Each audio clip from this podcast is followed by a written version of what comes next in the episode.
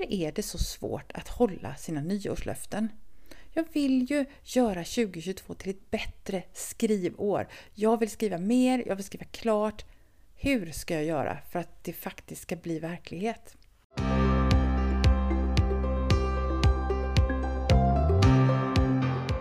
Hej och välkomna till Konsten att sabba en story. En podd om skrivandets vånda och glädje. Det här är podden för dig som vill skriva mer, bli bättre och lära dig av misstagen så att du inte sabbar storyn.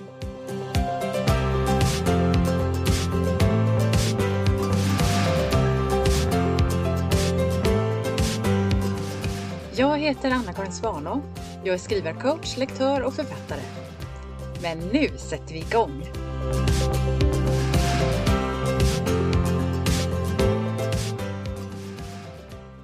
Välkomna till avsnitt 16. Och vips så har det blivit 2022. Ett helt nytt år. Fullt av oskrivna dagar. Det är ju något magiskt med nyår. Man stannar upp och tänker tillbaka och förhoppningsvis tackar vi oss själva och andra för allt fint och gott som har hänt. Troligen minns vi också det som inte gick så bra. Det är ju så vi funkar. I förra poddavsnittet nämnde jag några saker kring mitt skrivande under 2021 som jag är nöjd med. Och jag sa att jag skulle återkomma om misstagen i dagens avsnitt. Och jag kommer snart till detta. Men först vill jag prata om det här med nyårslöften och varför sådana löften för det mesta är dömda att misslyckas. Och jag ska också dela med mig av några bra tips om hur du ändå kan genomföra nya målsättningar under året och komma framåt med ditt skrivande. När vi nu då tittar fram mot 2022 så vill vi såklart att det nya året ska bli bättre än det förra. Och eftersom nyår är som en magisk chans till nystart så är det inte ovanligt att ge sig själv nyårslöften. Vad hoppas du ska hända under året? Har du kanske gett dig själv ett löfte eller satt upp något mål? Kanske att börja skriva på allvar? Att skriva mera eller rent av skriva klart ditt manus? Det är ju toppenbra! Heja dig! Det trista är att nyårslöften är ett rätt uselt sätt att skapa en positiv förändring i sitt liv. Statistiken visar att 80% av nyårslöftena är brutna i, redan i andra veckan i februari. Och när det gäller träning, som ju är ett populärt eh, nyårslöfte, så finns det storstudier som kallar den 19 januari för ge upp-dagen. För det är då de flesta har gett upp och brutit löftet. Alltså det verkar inte spela någon roll ens om det är ett storslaget mål eller ett litet, resultatet är detsamma. Och ändå fortsätter vi att sätta upp nya mål och lova bättring just så här års. Men vad är det som gör att vi inte fixar att hålla de här löftena? En anledning är att vi lovar något som vi tror att vi vill eller som vi vet är bra för oss bara för att andra säger eller gör si eller så. Men hur motiverad du verkligen själv är för att nå ditt mål, det är avgörande för om du lyckas. Och så här kan du göra för att ta reda på hur viktigt detta löftet eller målet egentligen är för dig. Första steget är att du sätter upp en eh, poängskala 1-10. och försök pricka in då hur viktig är den här förändringen för dig, den som du överväger. Är den jätteviktig så är det 10 poäng, är den bara halvviktig blir det 5 poäng. Eh, och steg två är att fråga dig då, hur kommer det sig att du säger den siffran istället för en annan? Skriv ner dina svar. För om du analyserar och funderar över detta så kan du upptäcka faktorer som gör att du kan formulera om ditt mål så att det faktiskt stämmer med det som är din inre önskan. En annan anledning till att löftet bryts är att det inte finns någon realistisk plan för hur du rent praktiskt ska göra för att nå målet. Och här kommer ett par förslag för hur du kan hantera just detta.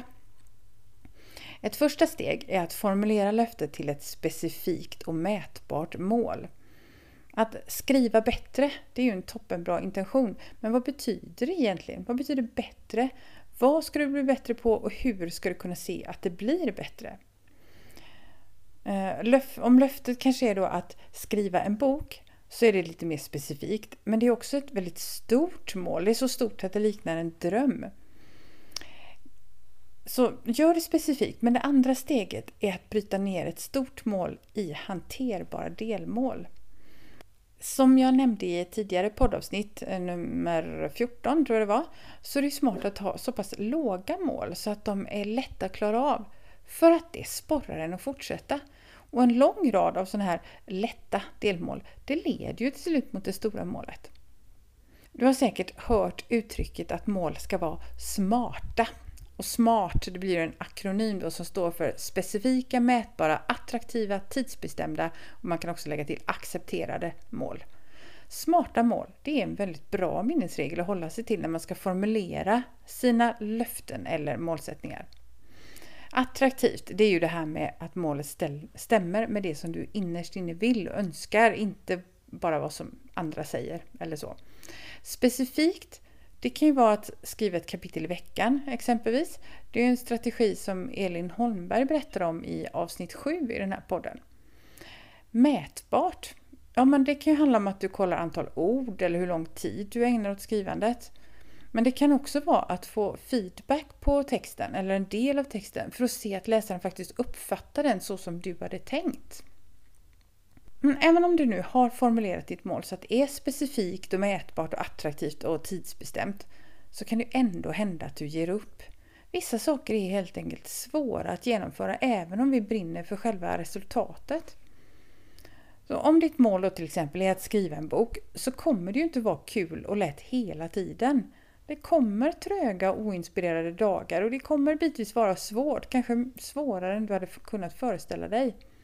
Under sådana dagar så kan den här inre motivationen kännas helt bortblåst. Men det är då som dina vanor är det som bär projektet. Om du har en rutin så är det så mycket lättare att inte ge upp utan ändå traggla på tills inspirationen kommer tillbaka, för det gör den. Och då hamnar du kanske i flow igen. Nyckelordet är alltså vanor. Du behöver förändra eller utveckla vanor som får dig att nå ditt mål. Utan att skapa de här vanorna som leder mot målen så hjälper det inte med alla önskningar och goda intentioner i världen. Hur gör du då rent praktiskt för att få till de här vanorna som hjälper dig i mål? Ja, det har jag så pass mycket att säga om så jag tänker ägna ett helt webbinar åt det ämnet. Det blir söndagen den 23 januari mellan 16 och 17. Och det är ett webbinar som jag kallar Skapa vanorna som hjälper dig att skriva klart din bok. Och även om du inte har som mål att skriva klart din manus just i år kan det här ändå hjälpa dig jättemycket att få, få en förändring som du vill ha i ditt liv när det gäller skrivandet exempelvis. Webbinariet är öppet för alla och det är helt utan kostnad men du behöver anmäla dig i förväg. Och alla som är anmälda kommer också få en länk med inspelningen efteråt. Och det finns en, eh, ett ställe där du anmäler dig och du hittar detta på min hemsida www.annakarinsvana.se för ett år sedan, så här års då 2021, så hade jag ett mycket tydligt mål. Jag ville skriva klart min första vuxenroman. Det manus som jag hade börjat på hösten 2020. Och nu efter ett år så har jag kommit väldigt långt, men jag har inte helt gått i mål.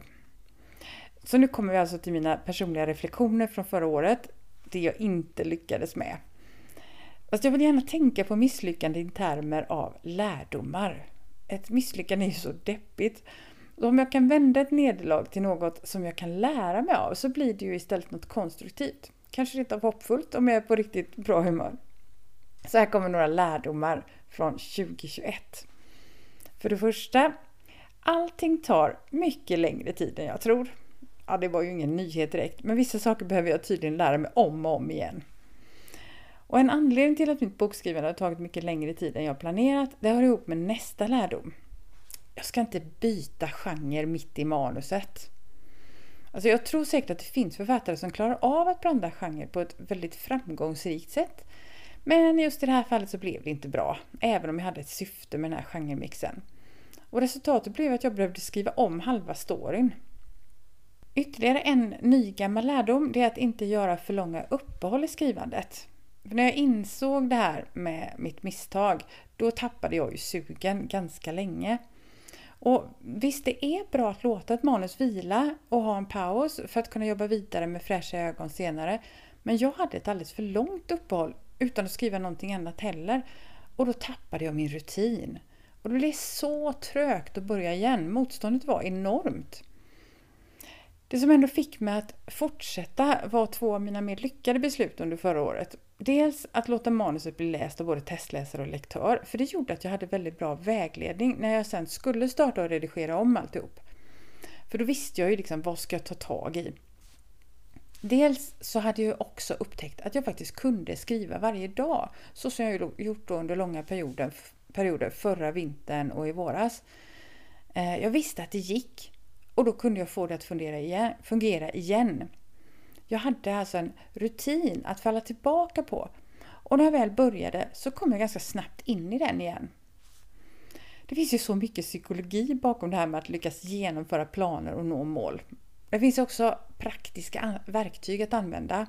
Och en hel del sådana verktyg jobbar vi med i skrivklubben och en del av dem är det som har hjälpt mig att hålla, hålla igång min rutin. Och jag vill bara nämna det nu i sammanhanget eftersom skrivklubben snart öppnar för nya medlemmar igen. Att allt material som vi har använt under året finns tillgängligt för nya medlemmar också. Och det gäller till exempel arbetsboken och presentationen som handlar om strategier för att planera skrivandet på ett praktiskt och framgångsrikt sätt. Det som vi sysslade med förra veckan. Ja, nu till sist så vill jag säga var snäll mot dig själv. Om du inte klarar av det som du har förutsett att göra, slå inte på dig själv. Om du till exempel har bestämt dig för att skriva lite varje dag och så missar du en dag eller två. Ja, det är lätt att tycka att man är dålig då förstås och tänka att eh, det gick ju inte och så ger man upp helt och hållet. Men dåliga dagar kommer. Livet händer, oväntade saker inträffar. Goda vanor är väldigt svåra att utveckla och de är jättelätta att bryta innan de sitter i ryggmärgen. Men om du missar en dag, bestäm dig då för att inte missa två eller tre. Ge dig själv tillåtelse att misslyckas. Vi är ju människor alltid, allihop. Men stanna inte där i nederlaget. Vänd det till en lärdom och fortsätt bara. Fortsätt att gå vidare steg för steg, för då kommer du att nå ditt mål.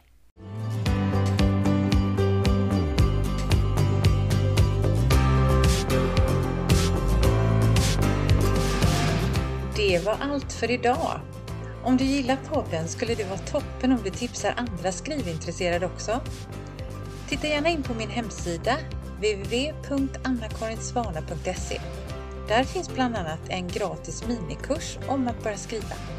Där finns också mer information om mina tjänster och kurser. Men nu är det dags att börja skriva.